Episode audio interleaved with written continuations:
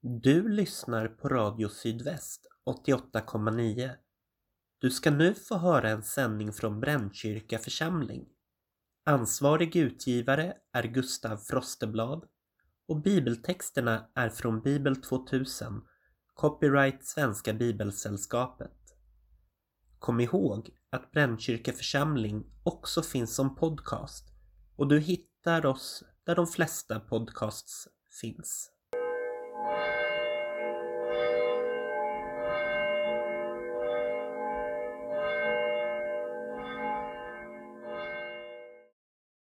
Välkommen till Brännkyrka församling och vår andakt den här skärtorsdagen den 1 april. Jag heter Pia Palmin och är diakon. Vi börjar vår andakt i Faderns och Sonens och den heliga Andens namn. Temat för dagen är det nya förbundet och handlar om nattvardens instiftande. Jag ska läsa ur Markus evangeliet kapitel 14, vers 18-26 där Jesus äter sin sista måltid med lärjungarna. Medan de låg till bords och åt sade Jesus Sannerligen en av er kommer att förråda mig, han som äter med mig. Då blev de bedrövade och frågade honom, den ena efter den andra, det är väl inte jag? Han svarade, det är en av de tolv, han som doppar i skålen tillsammans med mig. Människosonen går bort, som det står skrivet om honom, men ve den människa genom vilken Människosonen blir förrådd. Det hade varit bäst för den människan om hon aldrig hade blivit född. Medan de åt tog han ett bröd, läste tackbönen, bröt det och gav åt dem och sade Tag detta, det är min kropp. Och han tog en bägare, tackade Gud och gav åt dem, och de drack alla ur den. Han sade, detta är mitt blod, förbundsblodet, som blir utgjutet för många.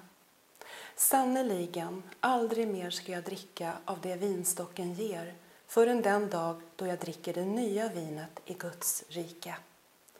När de hade sjungit lovsången gick de ut till Olivberget. Så sitter de där, Jesus och hans vänner, kvällen före. Den här bilden berör mig så starkt och jag vill stanna till en stund inför den mänskliga Jesus, den som är rädd. Den som kommer att be om att få slippa dricka ur lidandets och smärtans kalk.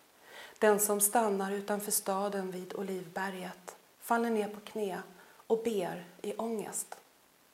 Har du någon gång suttit så, kvällen före en skiljeväg i livet, i ett slags avsked av livet så som du känner det ditintills och känt den där rädslan.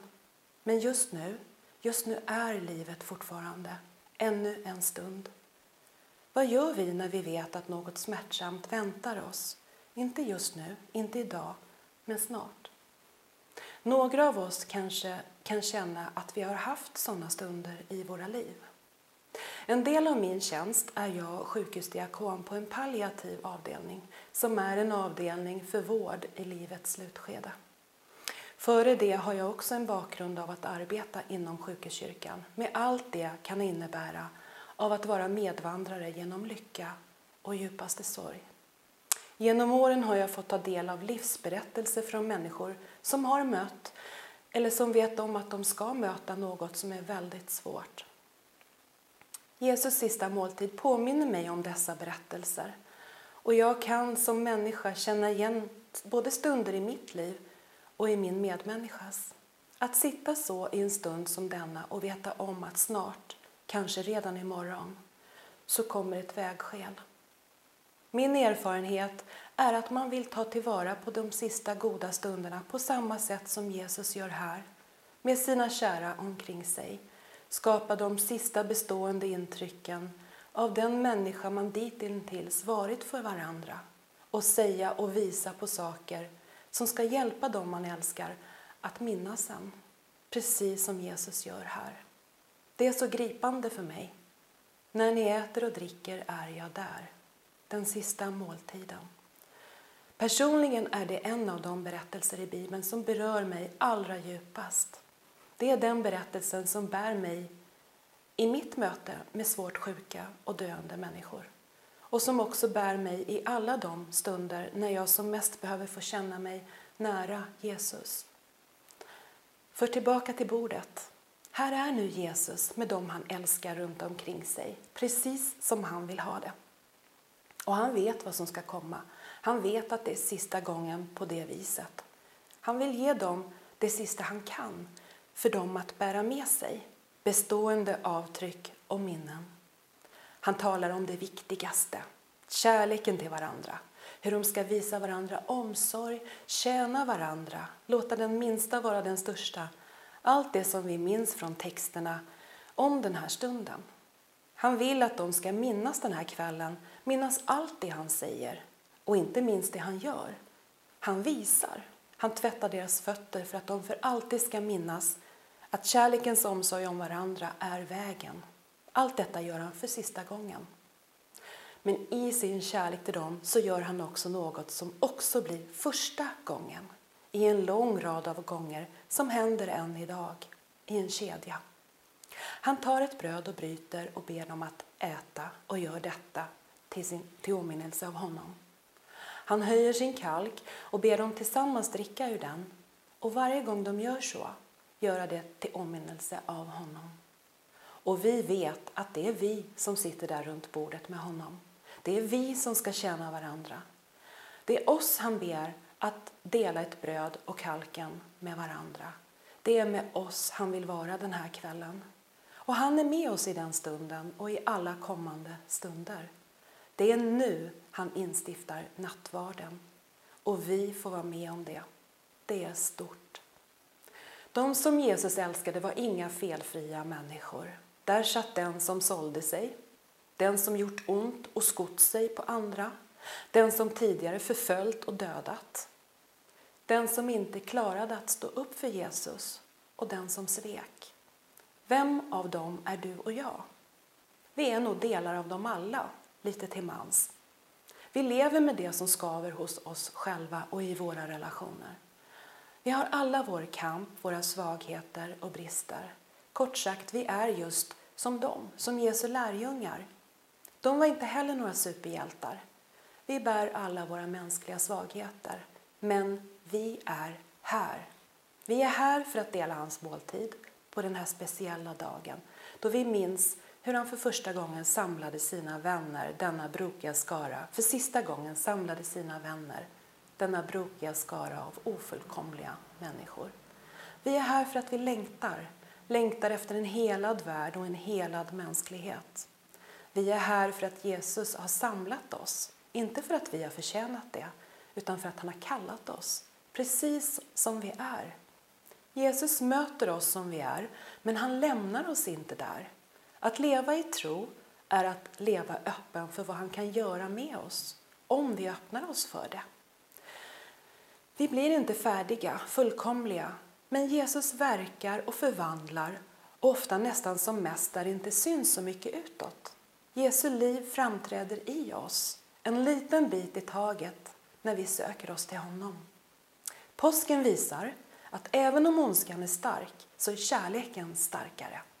Även om vår synd är stor så är Jesu kärlek större. Även om döden är stark så är livet så mycket starkare. Döden kan nafsa oss i hälarna men inte behålla oss. På korset besegrade Jesus ondskan, synden och döden. I en trädgård förlorade vi paradiset. I en annan trädgård blev det återfunnet när kvinnorna fann graven tom och Jesus uppstånden. Lärjungarnas vanmakt och rädsla var ju stor när Jesus plågades och dog. Men fyllda med uppståndelsens kraft blev de oövervinneliga.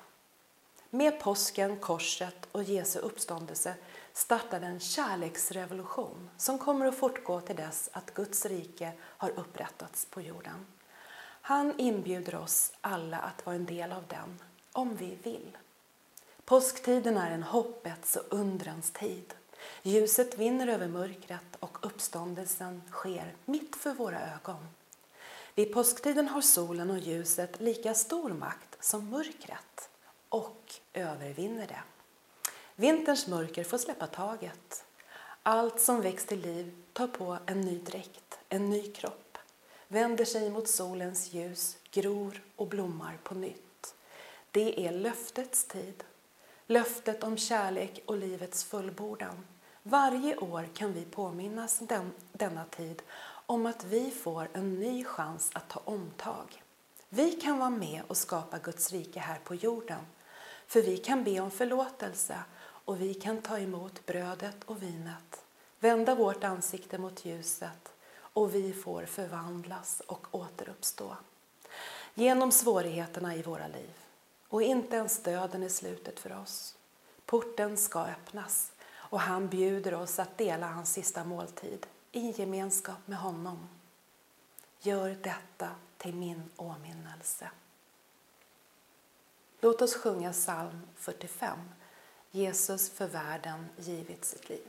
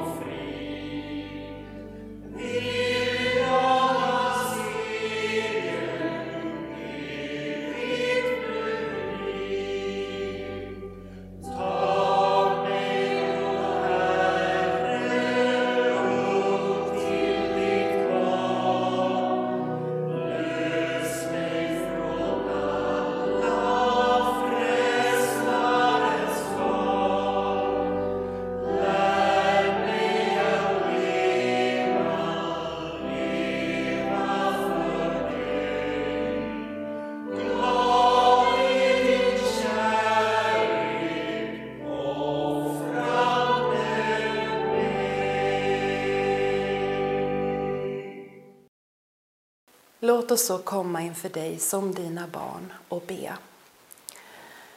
Vår Fader, du som är i himlen. Låt ditt namn bli helgat.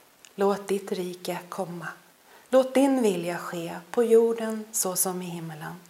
Ge oss idag det bröd vi behöver och förlåt oss våra skulder, liksom vi har förlåtit dem som står i skuld till oss. Och utsätt oss inte för prövning, utan rädda oss från det onda. Ditt är riket, din är makten och äran i evighet. Amen. Vi ber också välsignelsen tillsammans.